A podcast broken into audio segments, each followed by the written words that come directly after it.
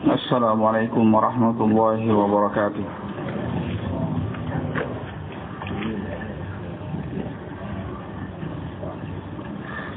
الحمد لله. نحمده تعالى ونستعينه ونستغفره. ونعوذ بالله من شرور أنفسنا ومن سيئات أعمالنا.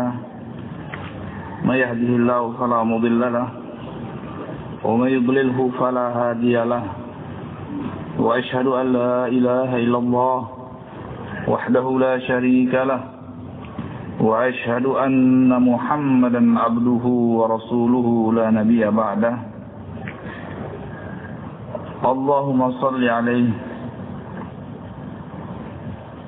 وعلى آله وأصحابه ومن تبعهم بإحسان وسلم تسليما مزيدا أما بعد.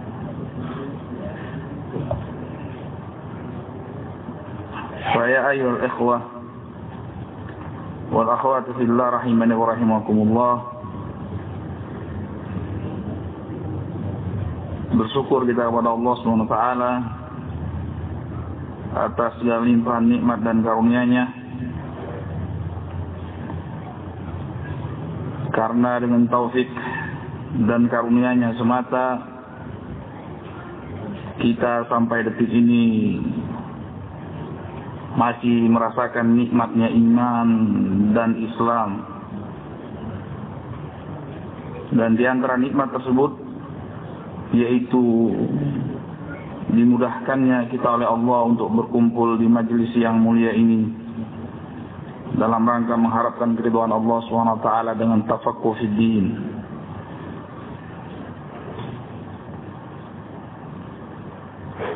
Ikhwan fid din wa akhwati fillah rahimani wa rahimakumullah. Sebagaimana biasa kita akan ya, mengkaji pembahasan ilmiah tapi hanya saja mungkin untuk sementara waktu kalau sekiranya tidak selesai pada pertemuan kali ini. Kita akan lanjutkan pada pertemuan-pertemuan berikutnya. Ya. yaitu sebuah fikih yang berkaitan tentang kematian al-maut. Ini idenya dari panitia Allah Abu Bakar Abidullah la'allahu khairan insyaallah. Ya.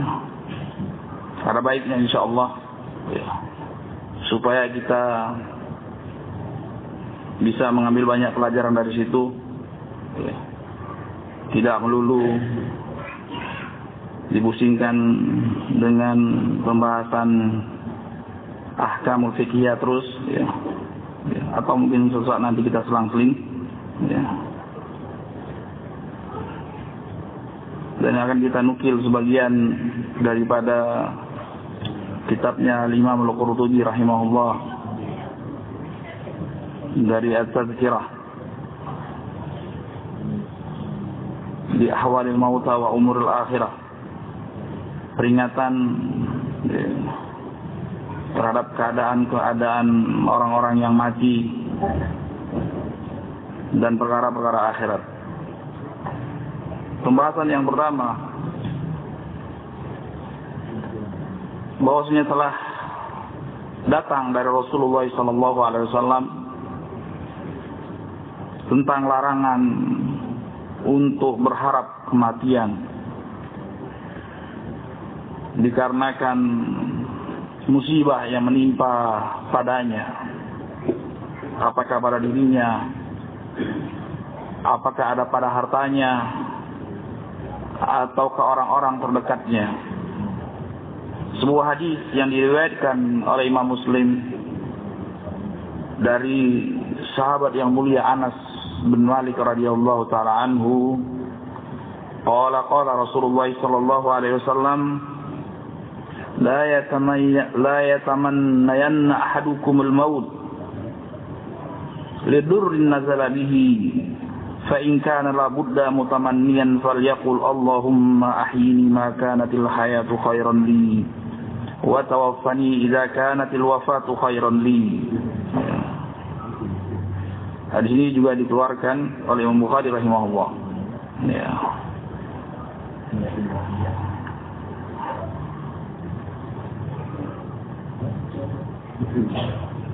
Iya.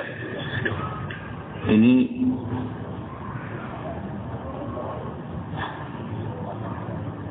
pendapat ulama-ulama Maghrib. Ya. ulama-ulama daerah Andalusia. Ya. Karena Imam Qurtubi itu asalnya Cordoba. Cordoba. Ya. Mereka selalu membiasakan lebih mengutamakan Muslim daripada Imam Bukhari rahimahullah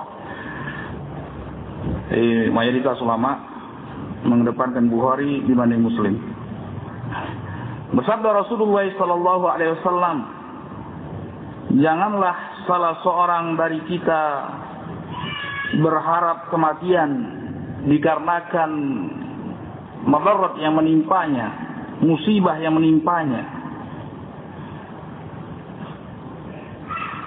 Kalau sekiranya harus seperti itu, maka hendaklah dia berkata dengan doa Allahumma ahyini ya Allah hidupkanlah aku. Perpanjanglah umurku kalau sekiranya kehidupan adalah lebih baik untukku. Ya, karena kita tidak tahu. Terkala kita berdoa oh, kematian ya Allah matikanlah aku. Ternyata azab yang menanti kita. Ya. Dan sebaliknya kita juga tidak tahu. Ya pastinya ya, tatkala kita minta kematian dari Allah Subhanahu wa taala, apakah rahmat yang menanti kita? Maka Rasulullah SAW anjurkan, janganlah seperti itu. Tapi seyogianya kalian berdoa memohon kepada Allah dengan sebuah doa, Ya Allah, hidupkanlah aku kalau sekiranya kehidupan ini adalah lebih baik bagiku dan matikanlah aku kalau sekiranya kematian ini adalah lebih baik lebih baik untukku. Ya. Dan juga Rasulullah SAW bersabda dalam hadis yang lain. Ya. Dari hadis Abu Hurairah radhiyallahu taala anhu, la yatamayan la ahadukumul maut wala yad'u bihi min qabli ayyatiyah innahu idza mata ahadukum min qata amaluhu wa innahu la yazidul mu'min umru illa khairan. Ya. janganlah kalian berharap kematian karena suatu musibah suatu penyakit yang dia derita ya. atau musibah yang ada pada harta dan orang-orang terdekatnya Jangan sekali-sekali dia berdoa minta untuk kematian sebelum datang sendiri kematian tersebut. Tidak diminta juga bakalan datang. Ya, kullu nafsin dha'iqatul maut. Setiap yang bernyawa pasti mati. Pasti akan dijemput oleh kematian. Ya. Kenapa Kata Rasulullah SAW, kita tidak dianjurkan untuk meminta kematian sebelum tiba waktunya. Ya. Innahu idza mata ahadukum min qata amaluhu. Kalau sekiranya? Kalau sekiranya seorang meninggal dijemput oleh malaikat maut, maka terputuslah amalannya. Iya. Dosa yang semestinya dia sempat bertaubat apabila diberikan waktu terputus. Ya. Kewajiban yang belum dia sempat tunaikan apabila dia diberikan waktu ya, dia akan lakukan terputus. Wa innahu la yazil mu'min karena sesungguhnya tidak akan menambah orang mukmin yang bertakwa kepada Allah panjang umurnya kecuali kebaikan. Iya. Seorang yang mukmin bertakwa kepada Allah iya. Sebagaimana Rasulullah SAW bersabda, "Ajaban li amril mu'min, inna amrohu lau khair." Sesungguhnya mengagumkan, menakjubkan perkara seorang mukmin. Perkaranya semuanya baik. Ya. In asabat sarra syakar. Kalau dia ditimpa ya, diberi musibah. Karena semuanya ujian, kebaikan, eh, kesehatan, rezeki yang menurut eh, kasat mata manusia itu baik, itu musibah dari Allah SWT, ujian dari Allah SWT apakah kita lulus atau tidak. Sama saja urusannya. In asabat usarra syakar. Apabila ditimpa kebaikan menurut kasat mata manusia, karena kebaikan belum tentu baik di sisi Allah SWT hakikatnya nanti, maka dia bersyukur kepada Allah SWT dan ini baik baginya. Diberi rezeki yang halal dia bersyukur. Diberi rezeki anak yang soleh dia bersyukur. Diberi rezeki kesehatan dia bersyukur. Ya. Maka ini baik baginya. Dan suatu saat, ya, suatu saat Rasulullah SAW bersabda, Inna asabal darra sobar. Apabila dia ditimpa kemalangan, ya, ditimpa hal-hal yang tidak baik menurut kasat mata manusia, karena kita tidak tahu hakikatnya di sisi Allah SWT, apakah itu hak kebaikan, ataukah perkara yang tidak baik. Ya. Apabila ditimpa kemalangan, ya, sakit, kematian, Eh, kemudian malapetaka yang lain, dia bersabar dan itu juga baik baginya. Jadi hakikat seorang mukmin yang bertakwa kepada Allah SWT sama saja. Ya, sama saja orang-orang yang dicintai Allah SWT sama saja hakikatnya. Tidak ada nilai plusnya orang yang miskin, eh, kemudian dia bersabar atau orang yang kaya yang diberikan kelapangan kemudian dia bersyukur. Ya. Karena masing-masing ada ujiannya ada cobaannya. Orang yang kesempitan, ujiannya dari Allah bagaimana dia bisa lulus. Ya. Bagaimana dia bisa selam, bagaimana dia bisa selamat dengan ujian tersebut dengan sabar. Dan sebaliknya. Semuanya baik di sisi Allah Subhanahu wa taala. Ya. Bukankah di sana ada para anbiya wal mursalin, orang-orang yang dicintai oleh Allah Subhanahu wa taala dari kalangan para nabinya dan rasulnya ada yang kaya, toh mereka bersyukur kepada Allah Subhanahu wa taala. Ya. Ada yang miskin, sengsara, sakit-sakitan, toh dia juga uh, syukur dan bersabar ya, kepada Allah Subhanahu wa taala. Ya. Iya.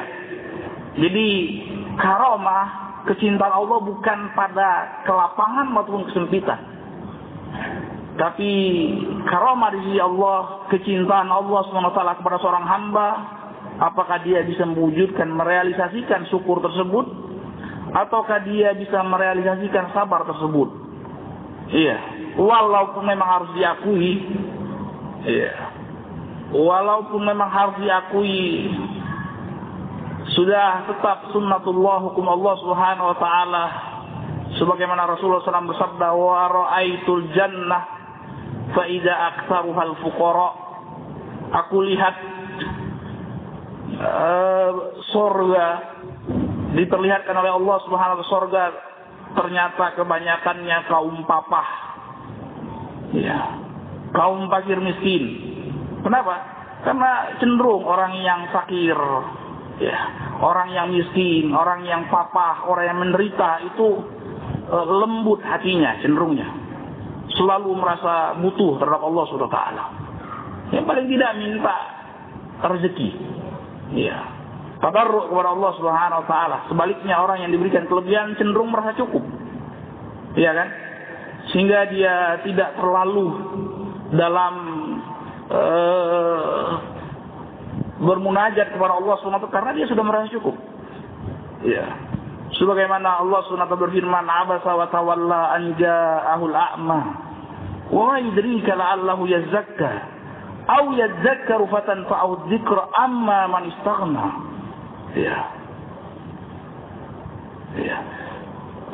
Rasulullah SAW ditegur oleh Allah SWT ya, tatkala bermuka masam dan berpaling dari seorang yang fakir miskin Abdullah bin Umi Maktum.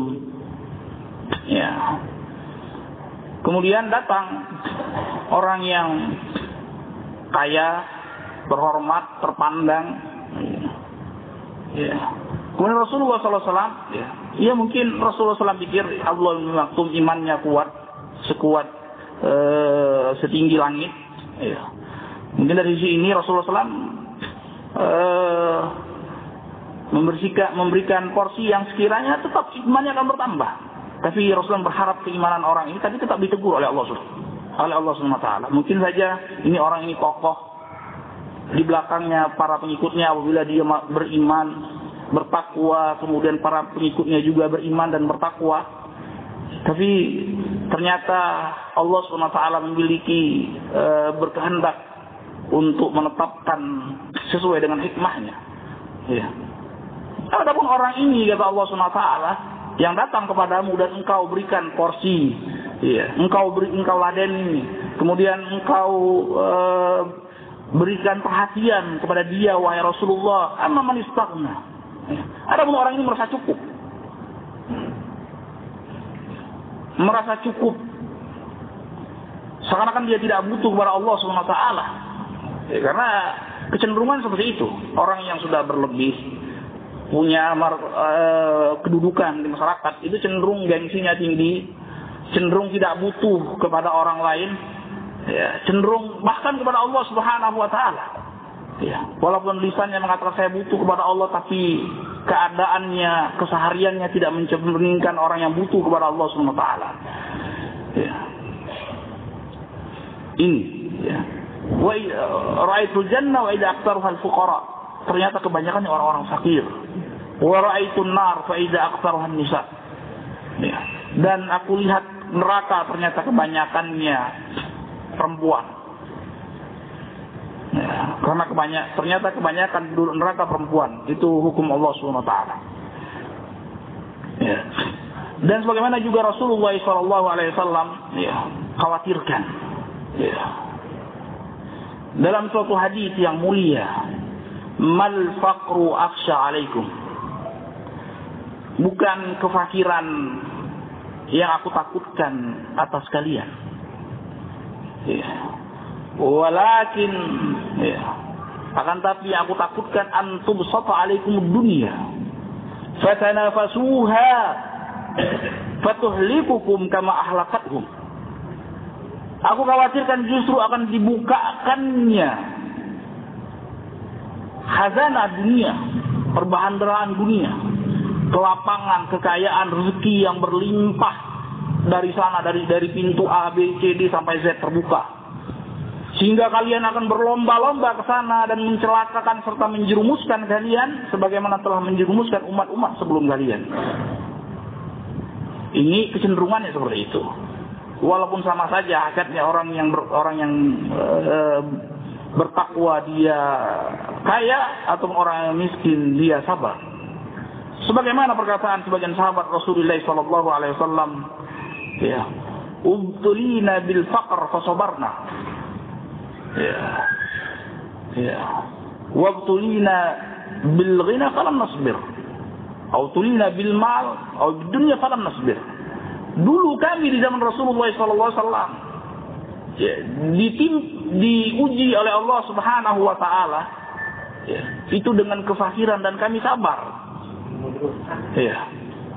Dan tatkala ada futuhat, ya, e, wilayah Islam semakin meluas, kemudian berkembang, berkembang, kembang maju dengan peradaban dan teknologi serta perekonomiannya, kita diuji oleh Allah SWT dengan kelapangan hidup, ternyata kita tidak sabar.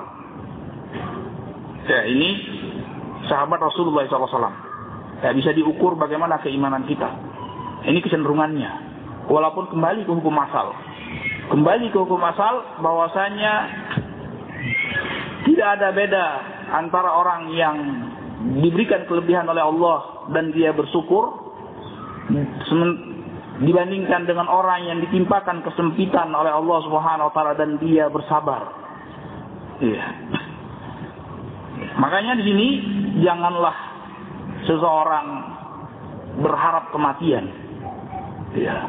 Karena suatu perkara. Ya, musibah yang menimpa padanya. Karena dia tidak tahu. Ya. Kalau sekiranya kematian itu baik atau tidak baginya. Ya. Seorang mukmin la yazidul mu'min umruhu illa khairan kata Rasulullah SAW. Kalau dia bertakwa tidak akan bertambah umurnya kecuali kebajikan saja. Sebagaimana dijelaskan oleh Imam Bukhari rahimahullah taala dalam riwayat Bukhari dari Abu Hurairah radhiyallahu taala anhu juga la yatamayyan la yatamannayanna ahadukum al-maut imma muhsinan fa allahu ayyazdara khairan wa imma musian fa allahu ayyasta'tib Janganlah salah seorang dari seorang mukmin berharap kematian kalau sekiranya dia orang yang baik, yang muhsin, maka semoga dengannya dia bertambah kebajikannya. Ataukah kalau seorang mukmin tersebut orang yang tidak baik, bisa saja mukmin tapi muqassir ya, banyak kekurangan yang ada pada dirinya, mudah-mudahan dia akan minta tunda, minta keriduan Allah Subhanahu wa taala. Ya. Ya, ayat ya, al istirda minta keriduan Allah Subhanahu wa taala. Ya. Dengan menutup hari akhir detik-detik akhirnya dengan taubat nasuha kepada Allah Subhanahu wa taala.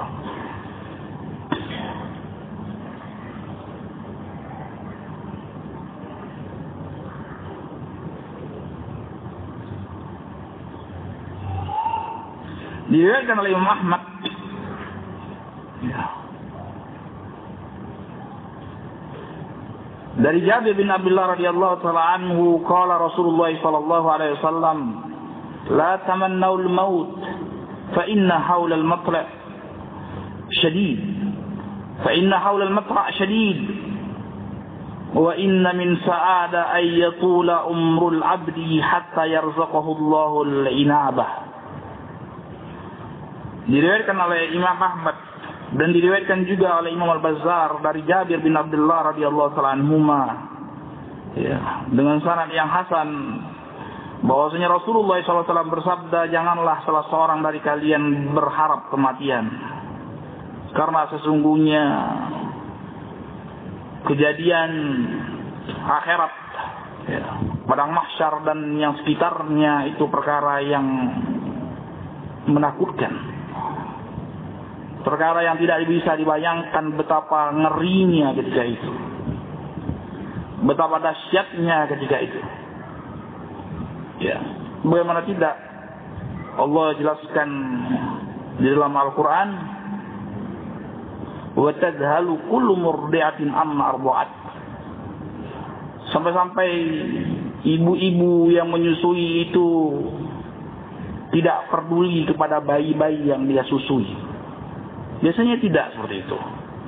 Biasanya kecenderungannya dan keumumannya ibu-ibu yang menyusui yang berhati manusia itu biasanya dia rela untuk mengorbankan dirinya demi bayinya. Iya kan? Iya. Dia rela dia sakit yang penting bayinya sehat. Dan kadang-kadang kecenderungannya dia rela mati yang penting bayinya hidup. Ya. Pernah disebutkan dalam suatu hadis bahwasanya Rasulullah SAW melihat seorang ibu muda ya yang kehilangan anak susunya yang dia susui lari ini di peperangan. Nggak menghiraukan panah berseliweran pedang berseliweran. Pokoknya yang penting saya cari anak saya. Ya sampai ketemu dia peluk erat-erat bayi tersebut dan dia susui. Ya. Maka Rasulullah SAW bersabda, "Ata'ajabuna min hadhihi?" Ya. Apa kalian uh, merasa aneh, kagum uh, min hadhihi liwaladiha dia berapa betapa perhatian dia kepada anak yang dia susui. Ya. Artinya apa? Artinya ikatan emosional antara seorang ibu yang menyusui dengan anaknya yang dia susui itu demikian eratnya. Sehingga kecenderungan seorang ibu Allah berikan hati nurani, ya, bukan hati iblis, sehingga dia rela apa pun demi bayinya ini. Ya, ya kecuali yang yang terjadi eh, Eh, belakangan ini banyak kita ketemu bayi yang dilempar. Ya mungkin karena awalnya sudah tidak berkah. Ya penciptaan bayi tersebut saja sudah dimurkai oleh Allah SWT awalnya. Ya zina sehingga lah, lah uh, hamil lahir kemudian bayinya dibuang di tempat sampah wal ya dari hati ya artinya singa saja singa saja ular saja tidak seperti itu terhadap anaknya. Ini wal iblis uh, belajar daripada dia ya, bagaimana membunuh anaknya. Ya. Iblis belum pernah dengar ada iblis membunuh anaknya. Walau. Mungkin aja ada, mungkin sebelum tapi belum pernah kita dapat kabarnya. Tapi yang terjadi manusia banyak membunuh anaknya dengan kejadian seperti ini. Artinya dosa zina itu tidak seberapa dibandingkan dengan dosa membunuh nyawa yang Allah swt berikan hak dia untuk hidup. Ya. Kembali lagi kepada pembahasan kita, bahwasanya Allah Subhanahu wa taala jelaskan ketika itu ketika terjadinya hari kiamat ya, demikian dahsyatnya sehingga yang tadinya Allah fitrahkan ibu-ibu yang menyusui demikian sayangnya dan perhatian kepada anaknya tapi ketika kejadian itu hilang semuanya. Nggak peduli. Ya. ini urusannya masing-masing. Bayinya dia tidak pedulikan. Ya. lupa bahkan lupa. Jangan berusaha untuk peduli. Ya, ingat saja tidak, dia punya bayi. Demikian dahsyatnya kata Rasulullah sallallahu alaihi wasallam haulal matla' syadid. Kengerian ketika itu tuh dahsyat luar biasa. Ya, tidak bisa cuma sekedar direka-reka sampai orang itu menyaksikan sendiri dan merasakan sendiri. Ya, beda cuma sekedar orang mengetahui, mendengarkan beritanya, dengan kejadiannya. Ilmu yakin beda. Laisal khabar kal mu'ayana kata Rasulullah SAW. Tidaklah pemberitaan walaupun sedemikian dahsyatnya pemberitaan berbeda dengan kejadian orang yang merasakan sendiri. Ya. Wa inna min as-sa'adati ay yatula umrul abdi hatta yarzaqahu Allahu al-inabah. Hatta yarzaqahu Allahu al-inabah karena merupakan kebahagiaan seorang hamba yang sejati, hakiki. Yang hakiki dan sejati, kebahagiaan yang sesungguhnya tatkala Allah Subhanahu wa taala berikan karunia kepanjangan umurnya. Berikan umur dia umur yang panjang. Ya. Sampai dengan umur yang panjang Allah beri kesempatan dia untuk rujuk kepada Allah Subhanahu taala, untuk kembali kepada Allah Subhanahu wa taala. Ya. Untuk berharap taubat kepada Allah Subhanahu wa taala. Ya. ya, ini rahasianya kenapa kita dilarang oleh Rasulullah SAW untuk minta kematian. Ya, mana tahu ternyata dengan panjangnya bertambahnya umur kita bertambah juga kebajikan yang kita lakukan. Bertambah juga inabah yang kita lakukan kepada Allah Subhanahu wa taala. Kemudian pembahasan yang berikutnya bahwasanya perkara yang dipastikan suatu kepastian yang namanya maut itu laisa bi adamin mahd. Bahwasanya kematian itu bukan suatu perkara yang sekedar ketiadaan. Hilang saja begitu saja. Ya. Tapi yang harus dilihat ya, dari sisi apa? Yaitu inqita'i ta'alluqir ruh bil badan wa mufaraqatihi wa hailulati bainahuma wa hailulati bainahuma Iya. Tapi yang semestinya seorang yang diberikan taufik oleh Allah SWT melihat ya, ya kecenderungannya orang mati ya sudah mati sudah lewat karena sudah tua. Ya. Mati ya sudah mati karena kanker stadium 4. Seakan-akan suatu perkara yang alamiah terjadi begitu saja. Ya. Tapi yang harus disoroti sesungguhnya kematian itu hakikatnya terputusnya ruh dari badan. Ini yang pertama. Ya. Terpisahnya ruh dari badan. Dari jasad. Ya. Yang tadinya menyatu, ruh itu di dalam jasad, tapi ketika maut menjemput itu berpisah dia. Ya. Dan yang harus dirasakan ya, itu tabaddalu hal. Wantiqal min dar ila. Yang paling harus kita rasakan itu berpindahnya. Ya. Eh, tempat tinggal ke tempat tinggal yang lain. Tempat tinggal dia di dunia ini pindah ke tempat tinggal dia nanti di akhir. Di awal daripada perjalanan dia menuju akhirat. Fase perantara antara alam dunia dan alam akhirat. Alam barzakh. Pertengahan antara alam dunia dan alam akhirat pertengahan ini yang harus betul-betul diambil pelajaran dan sering diingat-ingat bahwasanya kematian itu perpindahan dunia ke dunia yang lain perpindahan alam ke alam yang lain perpindahan kehidupan bukan kehidupan yang lain kepada kehidupan yang lain bukan mati kemudian selesai urusannya sebagaimana yang uh, diyakini oleh banyak orang. Ya. Karena suatu perkara yang tidak real. Ya. Suatu perkara yang tidak bisa disentuh dengan dengan kasat mata. Tidak bisa diraba dengan panca indera. Kecuali orang-orang yang diberikan taufik oleh Allah Subhanahu wa taala yang bisa merenung dengan renungan yang membuahkan hasil keimanan kepada kehidupan setelah kematian. Ya. Kecenderungan manusia selalu seperti itu. Selalu mengingkari suatu perkara yang akal dia tidak sampai. Bukan yang masuk akal ya. Kecenderungannya manusia mengingkari suatu perkara yang akal dia tidak bisa masuk ke sana. Karena suatu perkara yang disepakati oleh semua orang-orang yang berakal.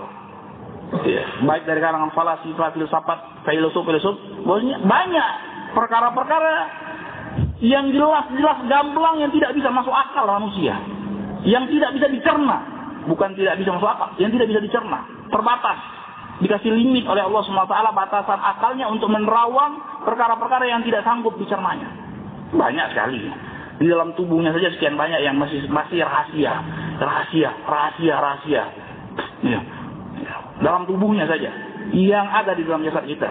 Ya, belum lagi alam yang luasnya seluas lautan belum lagi eh, jagat raya yang tiada terbatas menurut kemampuan ilmu pengetahuan sekarang. Sekian banyak perkara-perkara yang tidak bisa eh, akal manusia untuk mencernanya. Ya. Dan suatu perkara yang sangat-sangat masuk akal. Ya. Tatkala Allah Subhanahu wa taala berikan kelebihan kepada manusia, Allah berikan kelebihan akal untuk berpikir ya, dibandingkan hewan-hewan di sekitar kita. Ya.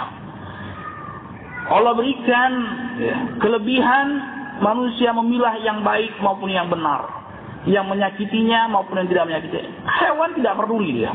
Apakah ini memadaratkan dia? Yang penting dia happy. Yang penting tidak terasa panas sudah. Di sini terkala Allah SWT berikan karunia akal sehat untuk berpikir. Ya. Makanya Allah banyak tuntun manusia di dalam Al-Quran. Ya. Untuk berpikir lagi, pikir lagi apa sih hakikat kehidupan manusia ini di dunia. Berpikir lagi, camkan lagi, camkan lagi, camkan lagi. Ya, renungkan lagi, renungkan lagi. Ya. hakikat daripada kehidupan kita. Ya. ya. Sebagian Allah Subhanahu wa taala berfirman, "Am hasibtum annama khalaqnakum abasan wa annakum ilaina la turja'un?" Fata'ala Allahul Malikul Haq. Apakah kalian mengira kami ciptakan kalian wahai manusia kata Allah. Begitu saja makan, tidur, ya, berhubungan suami istri, bermuamalah, ya. Begitu saja. Kemudian kalian tidak dikembalikan kepada kami. Tidak dimintai pertanggungjawaban terhadap kehidupannya, perilakunya di dunia. Maka Allah Subhanahu wa taala menafikan perkara seperti ini. Fata'ala Allah malikul haq. Sungguh maha tinggi Allah Subhanahu wa taala. Ya. Maha mulia Allah, maha suci Allah Subhanahu wa taala daripada yang seperti ini. Bertentangan sama sekali dengan hikmahnya Allah Subhanahu wa taala. Ya. Berarti apa? Seakan-akan Allah Subhanahu wa taala tidak bedanya dengan makhluk-makhluk yang jahil. Tatkala menciptakan seonggok makhluk yang berakal, kemudian dia tidak beda dengan binatang. Ya, tidak ada bedanya dengan binatang. Punya akal, hanya saja ini punya akal, ini tidak punya akal, kemudian kematiannya selesai urusannya, jadi tanah selesai. Maha suci Allah dari tuduhan yang keji semacam ini kata Allah SWT. Sama sekali bertentangan dengan hikmahnya Allah SWT. Percuma Allah SWT berikan akal. Berikan hati nurani tatkala mereka mengira bahwasanya manusia, eh, orang mengira bisa dengan keyakinan dia ucapkan, sempat dia ucapkan, bisa dengan tidak sempat dia ucapkan tapi ada keraguan-raguan di hatinya. Ketidakyakinan dan ketidakmantapan bahwasanya apa benar sih. Setelah kematian nanti akan setelah orang meninggal kemudian akan datang malaikat kemudian akan disiksa atau e, datang malaikat kemudian dikasih kabar gembira akan dibuka pintu surga apa benar sih? Ya, di sinilah ya, rahasia kenapa manusia diberikan akal. Ya, tidak sebagaimana sapi dan babi-babi yang terus menerus dalam keadaan eh, tidak berakal sehingga dia akan melakukan apa saja yang dia sukai tanpa batasan-batasan eh, yang telah ditetapkan. Ya. Maka yang harus selalu dicermati, ya, ya. kita sadar dan terus direnungkan, ya. Bukan cuma kejadiannya itu sebagai pemahaman yang ada di akal kita, tapi butuh penghayatan. Sehingga bisa diambil pelajaran dari setiap kejadian kemarin pakai kita kemarin lagi nenek kita sebelumnya lagi tetangga kita sebelumnya lagi mungkin anak kita sebelumnya lagi mungkin tetangga kita sebelumnya lagi mungkin saudara kita.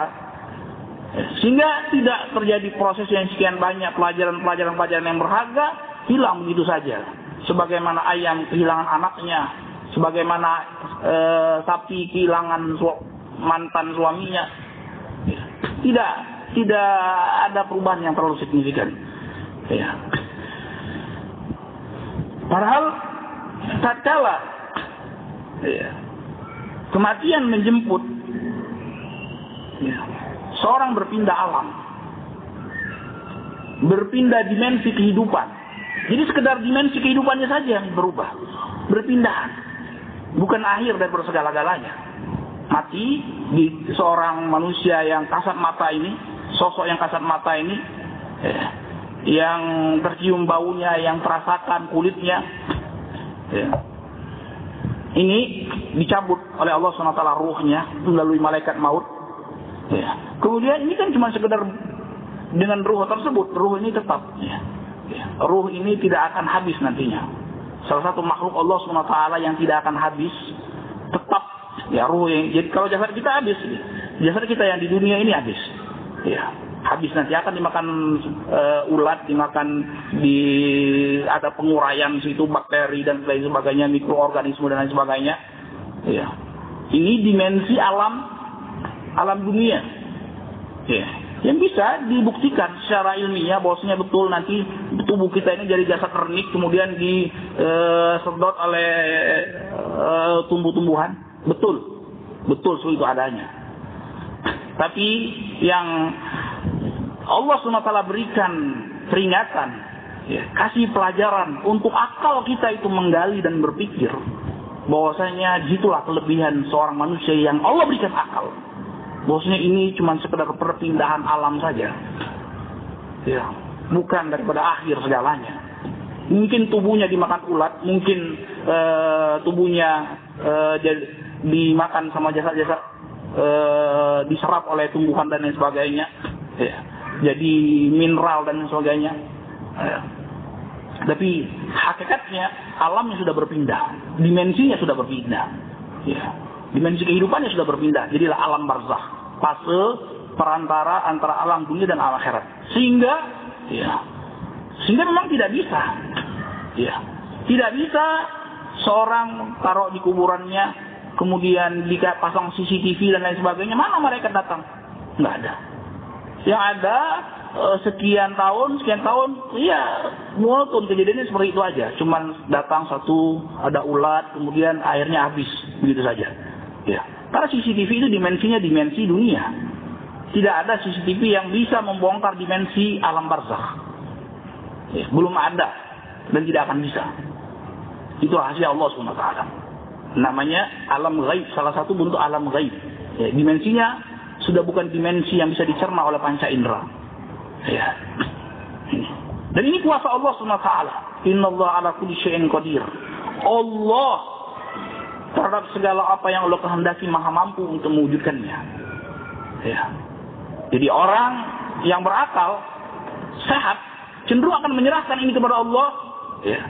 Bahwasanya selama dia beriman, Allah SWT maha mampu untuk mewujudkan perkara tersebut, itu bagi Allah SWT mudah Ya, mudah bagi Allah Subhanahu wa taala untuk mewujudkannya. Mudah bagi Allah Subhanahu wa dengan keperkasaan dan kekuasaan Allah untuk mengadakan perkara yang sampai sekarang akal manusia itu belum bisa menembusnya. Karena kita akui akal tadi terbatas dengan keterbatasan yang telah Allah tentukan. Kalau diberikan kelebihan, tidak ada gunanya lagi diturunkannya Al-Quran.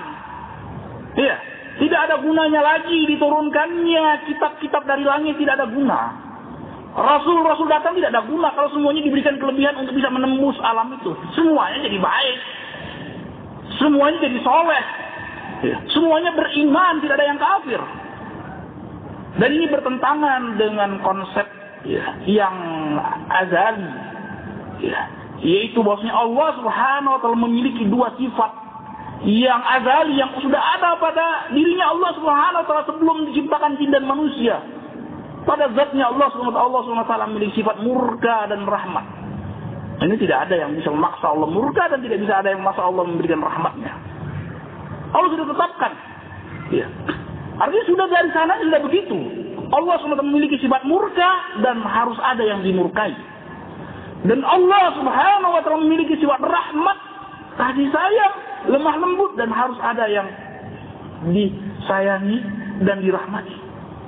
Itu suatu perkara yang lazim dan bisa, tidak bisa ditanyakan. Ya. Kenapa Allah seperti itu? Ya itu urusan Allah SWT. Kenapa Allah SWT memiliki sifat rahmat? Kenapa Allah SWT memiliki sifat murka? Ya terbatas kita untuk bertanya perkara seperti itu. Ya. Pada dasarnya asalnya Allah SWT sudah memiliki sifat rahmat Kasih sayang dari Allah SWT sifat murka. Ya. Sehingga sesuai dengan hukum Allah SWT ada konsekuensinya. Sifat rahmat membutuh, membutuhkan yang dirahmati. Sifat murka ada, perlu ada yang dimurkai. Fasallahu ta'ala Kita mohon kepada Allah SWT supaya kita dijadikan orang-orang yang dirahmati oleh Allah SWT. Ya. Walaupun memang Allah SWT telah menetapkan ya, Inna rahmati sabakat ghadabi bahwasanya rahmat dan kasih sayang Allah memang lebih dominan daripada sifat murka Allah SWT. Ini yang agak menggembirakan kita. Ini yang membuat kita semakin husnuzan kepada Allah SWT. Bahwasanya rahmat Allah itu lebih luas. Mendahului daripada murkanya Allah SWT. Barangkali kita kecipratan yang dominan tersebut. Ya. Ya. Fiddin rahimani wa rahimakumullah. Ya. Dan tatkala kita yakin dengan seyakin-yakinnya, ya, walaupun keyakinan masing-masing kita akan berbeda-beda satu sama lainnya. Mungkin seribu yang hadir di sini, seribu pula keyakinannya. Ya. Terhadap eh, kadar keyakinan tebal, sedang, rendah itu berbeda-beda di sisi Allah SWT. Ya. Sebagaimana yakinnya Abu Bakar tidak sama dengan yakinnya Umar. Yakinnya Umar tidak sama dengan yakinnya Utsman dan Ali dan seterusnya. Ya. Jadi yang harus diambil pelajaran dan selalu dicamkan bahwasanya proses kematian itu cuma sekedar perpindahan, sekedar tanda saja. Sekedar tanda berpindahnya si fulan sebagai sosok manusia dari alam dunianya berpindah kepada alam barzah. Ya, sekedar itu saja. Sekedar numpang lewat saja. Dia berpindah, dia izin untuk berpindah ke alam barzah. Gerbang alam akhirat sekedar numpang saja. Sekedar lewat pintu, namanya pintu kematian. Ya. Wa huwa min a'zamil masa'ib. Dan ini salah satu bentuk musibah yang terbesar. Sebagaimana Allah Subhanahu wa taala sebutkan di dalam Al-Qur'an dalam surah Al-Maidah ayat yang 100 ke 106 fa asabatkum musibatul maut. Ya. Fa asabatkum musibatul maut. Menimpa kalian musibah kematian. Fal mautul huwa al musibatul uzma wa raziyatul kubra. Kematian adalah musibah yang sangat besar. Musibah yang sangat dahsyat. Tapi yang harus diambil pelajaran dari sini, yang harus dicamkan di sini, dinukil oleh Imam Al-Qurtubi, qala ulama'una wa 'azzamu minhu al-ghafla anhu wal i'rab an dzikrihi wa qillatu tafkir fihi wa tarkul amalillah wa inna fihi wahdahu la ibratan liman i'tabara wa fiqratan liman tafakkar betul. Sesungguhnya maut kematian Ruh yang dicabut dari jasad seseorang itu adalah musibah yang sangat besar, yang sangat dahsyat, yang sangat mengerikan. Ya. Yang cuma bisa kita raka-raka saja. Makanya ulama banyak menganjurkan supaya kita tuh kalau ada kesempatan terus melihat orang-orang yang dicabut sedang sakaratul maut, perhatikan terus. Ya. Perhatikan terus. Itu termasuk pelajaran. Ya. Terus, ya. Itu adalah musibah yang sangat dahsyat. Menyakitkan. Wa inna lil mauti la sakarat kata Rasulullah Sesungguhnya kematian itu ada sakarat, perkara-perkara yang sangat-sangat das dahsyat yang cuman tahu orang yang merasakannya saja. Mati dulu coba rasakan bagaimana sakaratul maut. Ya sangat dahsyat. Sangat luar biasa. Sebagian riwayat menyebutkan seperti kambing dikulitin hidup-hidup. Coba rasakan. Ya, coba ambil kambing, kulitin hidup-hidup. Apa jadinya itu kambing? Ketika terlepasnya ruh dari jasad. Ya. Coba rasakan. Atau kita. Ya, dikulitin hidup-hidup. Musibah yang besar. Berkata ulama kaum muslimin, ulama sunnah wal wa a'zam minhu. Yang lebih dahsyat daripada itu. Yang lebih besar daripada ini. Yang lebih besar daripada musibah ini. Ini dari sudah digambarkan betapa dahsyatnya itu al-ghaflatu anhu. Lalai dari kepada kematian. Kalau sekiranya kematian itu adalah musibah yang sangat besar dan dahsyat, musibah yang lebih besar dan lebih dahsyat lagi lalai daripada perkara ini. Dan mungkin semuanya kita lalai daripada perkara ini. Ya, buktinya kita masih bisa tersenyum dan tertawa. Ya. Padahal Rasulullah SAW bersabda, "Lau a'lamu, lau ta'lamu, lau ta'lamu nama a'lam, la dahiktum qalilan wa la bakaitum katsiran." Ya ولا تركتم التلذذ بنسائكم على فروشكم ولا خرجتم إلى السودات تجارون إلى الله سبحانه wa taala kalau kalian itu tahu sadar seperti apa yang aku tahu dan sadari ini saya kalian akan sedikit tertawa kalian akan menangis terus kalian akan tidak peduli lagi ber, bersenang-senang dengan istri kalian di atas ranjang-ranjang kalian kalian cuma berusaha untuk mencari tempat-tempat yang tinggi, meraung-raung meratap kepada Allah Subhanahu wa taala untuk memohon pengampunan dari Allah Subhanahu wa taala. Ya. Tapi dikarenakan kita selalu lalai. Dikarenakan ilmu kita sedikit. Dikarenakan iman kita tipis sehingga ketawa kita lebih dominan daripada menangis kita. Waliyadzubillah yang lebih besar daripada musibah kematian yaitu seorang lalai daripada kematian tersebut. Dan ini bukan cuma sekedar ilmu tentang adanya kematian sehingga dia dikatakan tidak lalai tapi yang lebih real daripada itu amalannya. Yang menunjukkan seorang ini walaupun dia tahu saya tahu saya mati. Ya, tapi tidak cukup. Seperti itu dikatakan orang itu sudah terjaga daripada peristiwa kematian. Tidak lalai daripada kematian tapi yang lebih daripada itu apa realisasinya daripada kehidupan dunianya? Mana amaliyahnya? Mana amalannya? Mana takwanya? Itu bukti seorang itu tidak lalai daripada kematian. Bukan cuma sekedar tahu saya mati pasti mati. Ya. Tapi ternyata amalannya menunjukkan dia sama sekali lalai daripada kematian. Yang lebih besar daripada musibah kematian a'li'rad an berusaha menjauhkan diri untuk mengingat-ingatnya. Sedikit mengenang kematian. Bagaimana kalau sekiranya saat ini detik ini kematian menjemputku? Ya.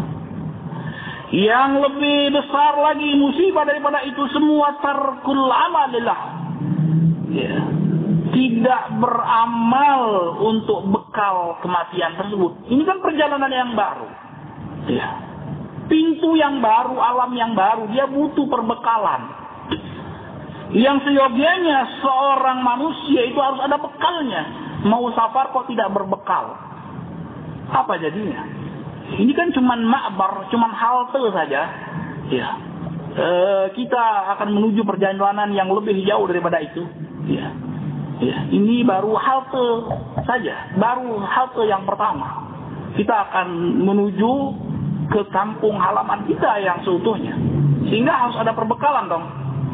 Terkala tidak memiliki perbekalan, ini menunjukkan dia selalu lalai terhadap halte-halte yang berikutnya. Dia selalu lupa terhadap halte-halte yang berikutnya. Wa inna fihi wahdahu la ibratan liman itabara wa fikratan liman tafakkar. Sesungguhnya pada kematian itu ada pelajaran bagi orang yang bisa mengambil pelajaran. Ya.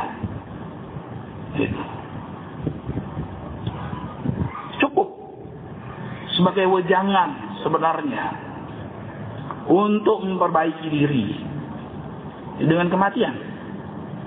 Tidak usah terlalu banyak wejangan dengan ingat-ingat terus kematian itu akan bisa memperbaiki diri orang-orang yang diberikan taufik oleh Allah Subhanahu wa taala.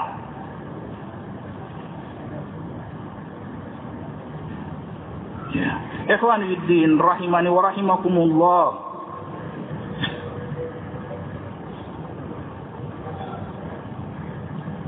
Ya. Perkataan Rasulullah sallallahu alaihi wasallam tadi. Ya. Sebagaimana dikeluarkan oleh Imam Bukhari rahimahullah, jangan la yatamanna yanna ahdukumul maut imam musian falahu ayyazdada khairan wa imam musian fala Allah wa istatib. Jangan sekali-sekali seorang mengharap kematian kalau sekiranya dia orang yang baik mudah-mudahan akan bertambah kebaikannya. Kalau sekiranya dia orang yang tidak baik yang bermaksiat kepada Allah Subhanahu wa taala mudah-mudahan dengannya dia bisa memohon ampunan kepada Allah Subhanahu wa taala, memohon keridhaan kepada Allah Subhanahu wa taala.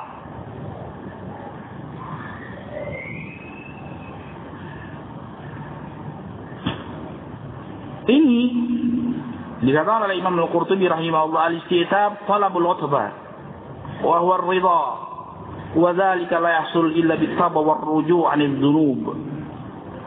Apa maksud Rasulullah SAW minta keridhaan Allah? Kalau sekiranya dia tadi sekiranya dia orang baik mudah-mudahan dengan panjangnya umur dia dia akan bertambah kebajikannya. Kalau dia sekiranya orang-orang orang yang tidak baik yang durhaka kepada Allah yang bermaksiat kepada Allah Subhanahu wa taala dengan kekufuran, ke kebidahan dan kemaksiatan, mudah-mudahan dia bisa minta keridhaan Allah dengan diberikan peluang lagi untuk bertaubat.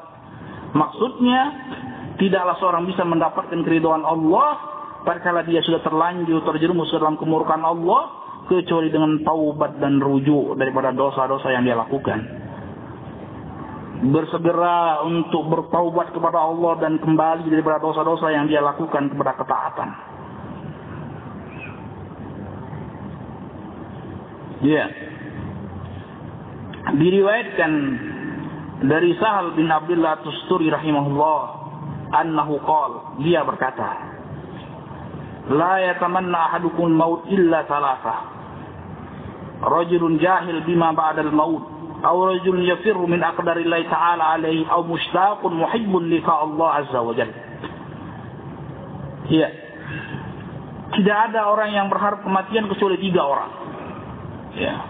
Coba pilih, pilah di mana kita daripada tiga orang ini. Orang yang pertama, orang yang jahil dengan hakikat kematian dan kehidupan setelahnya. Sehingga dia tergesa-gesa dan tergopoh-gopoh untuk berharap kematian. Sehingga ya berapa hari ini coba lihat orang terjun bebas di sana sini. Karena jahil tidak ngerti hakikat kematian setelahnya. Dan apa yang akan menghampirinya nanti setelah kematian. Ya, waliyadzubillah. Yang kedua, rajul yafir min aqdarillah ta'ala fi alaih. Orang yang berusaha untuk lari daripada takdir-takdir yang menyesakkan dadanya. Dia tahu hakikat kematian. Dia tahu kehidupan kematian, tapi dia tidak kuat, tidak sabar terhadap musibah yang Allah berikan kepadanya. Ya. Ya. Kalau orang yang jahil, memang dia uh, menutup akalnya, menolak akalnya untuk bisa mencerna kehidupan setelah kematian, sehingga dia pikir uh, in hiya illa dunya namutu wa nahya wa ma nahnu ini cuma kehidupan kita dunia saja. Kita mati, kita hidup, tidak dibangkitkan. Nah, inilah apa yang terjadi di orang-orang kafir. Orang yang kedua, orang yang berusaha untuk lari daripada takdir Allah. Terlilit utang, ya udahlah. Dia pikir ternyata bisa menyelesaikan urusannya. Ternyata urusannya lebih besar dan lebih besar. Serta jauh lebih besar daripada utang-utang yang terlilit darinya. Ya. Orang yang ketiga, mustaqun muhibbun liqa Allah. Orang yang rindu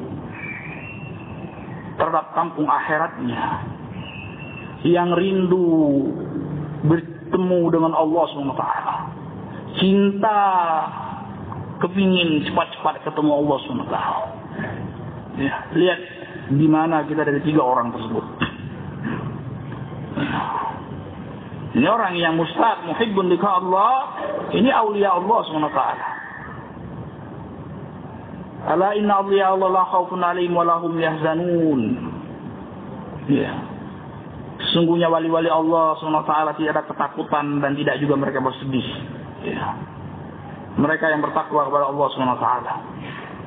Beriman dan bertakwa kepada Allah SWT.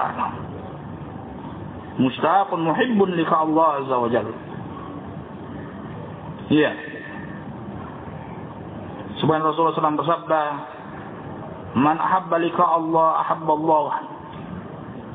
Barang siapa yang cinta untuk bertemu dengan Allah maka Allah SWT akan mencintainya. Allah akan mencintai pertemuan dengan dia.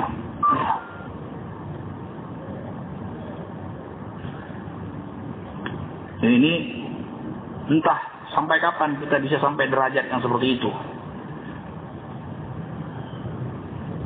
Yang lebih ngeri justru orang yang mengira dia mencintai segera bertemu Allah, tapi ternyata Allah murka kepada dia. Sok dia mencintai Allah, tapi ternyata itu persangkaan dia saja.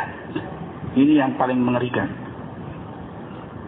Merasa yakin, mantap ada pada dia sehingga dia, wah, dengan membuka dada, saya siap bertemu engkau ya Allah. Padahal ternyata Allah sambut dengan kemurkaannya. Ini yang waliyadzubillah sebagaimana yang terjadi orang-orang munafikin dan sebagian orang-orang yang munafikin yang tidak tidak sadar terjatuh kepada kemunafikan. Ala innahum sidun walakin la yashurun kata Allah. Sesungguhnya orang mereka itu orang-orang yang rusak, yang merusak. Ya, tapi mereka tidak sadar. Kul hal nunabbiukum bil akhsarina amal alladziina dhalla sa'yuhum fil hayati dunya wa yasabuna annam yusinu sunnah. Katakanlah ya Rasulullah, apakah mau aku mau kami kabarkan kepada mereka? Orang-orang yang merugi amalannya ya merugi amalannya ya. Padahal nanti di akhirat dia uh, dalam keadaan dia merasa dia sedang berlaku kebajikan ya padahal dipenuhi dengan kemunafikan dipenuhi dengan riak dipenuhi dengan ujub dipenuhi dengan kibir ya uh, batarul haq wa nas menolak kebenaran ya, dan meremehkan orang-orang sekitar dia. Ya. Selalu melihat orang dengan dengan dengan rendah. Selalu melihat orang ini tidak ada apa-apanya. Dia selalu lebih tinggi. Wah, ini celaka. Dikatakan oleh Imam Muqayyim rahimahullah min ru'unatin nafs. Ini bentuk, ini realisasi kedunguan seseorang.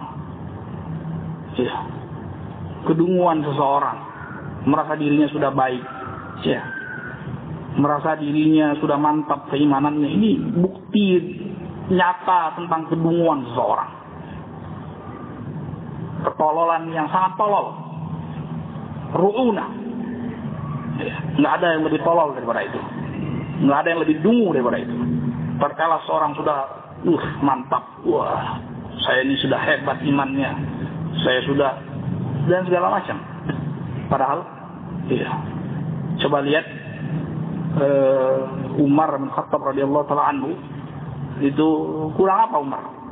Ya. Sekian banyak hadis yang menyebutkan dia masuk surga. Ya. Sekian banyak ayat turun membenarkan ucapan Umar. Maka kata Rasulullah SAW, Lau kana ba'di nabiyun lakana Umar. Kalau ada nabi setelahku yang paling berhak Umar. Ya.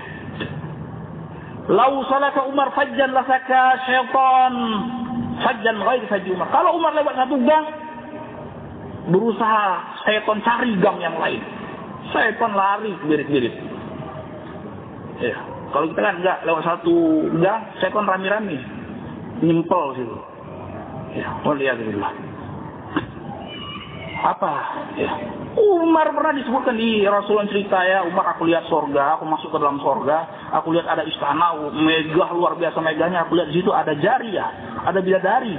Eh, ternyata itu istanamu, hai Umar. Hidup kurang apa bahagianya lagi kalau sudah dikabarkan oleh Rasulullah SAW. Aku lihat sorga, wahai saudaraku, wahai sahabatku, ternyata di ada istana yang megah besar, indah, ya, luar biasa indahnya. Aku lihat ada Ternyata ada bidadari, aku pengen lihat-lihat lah. Ternyata aku dikasih tahu itu istana Umar. Apa seorang muslim kalau dikabarkan seperti itu jadinya? Mungkin sudah sudah mabuk kebayang sudah. Ah, udah kapan mati? Kapan mati? Pengen masuk surga, pengen lihat istananya. Ya. Laula tadakkar ghiratak tuh ya Umar. Kalau aku tidak ingat engkau tuh luar biasa mencemburunya, jangan-jangan engkau cemburu, aku lihat di sana bidadari, dari kamu pula kan. Ya Rasulullah alaika agar menangis Umar. Apakah engkau pantas aku untuk cemburu karenanya?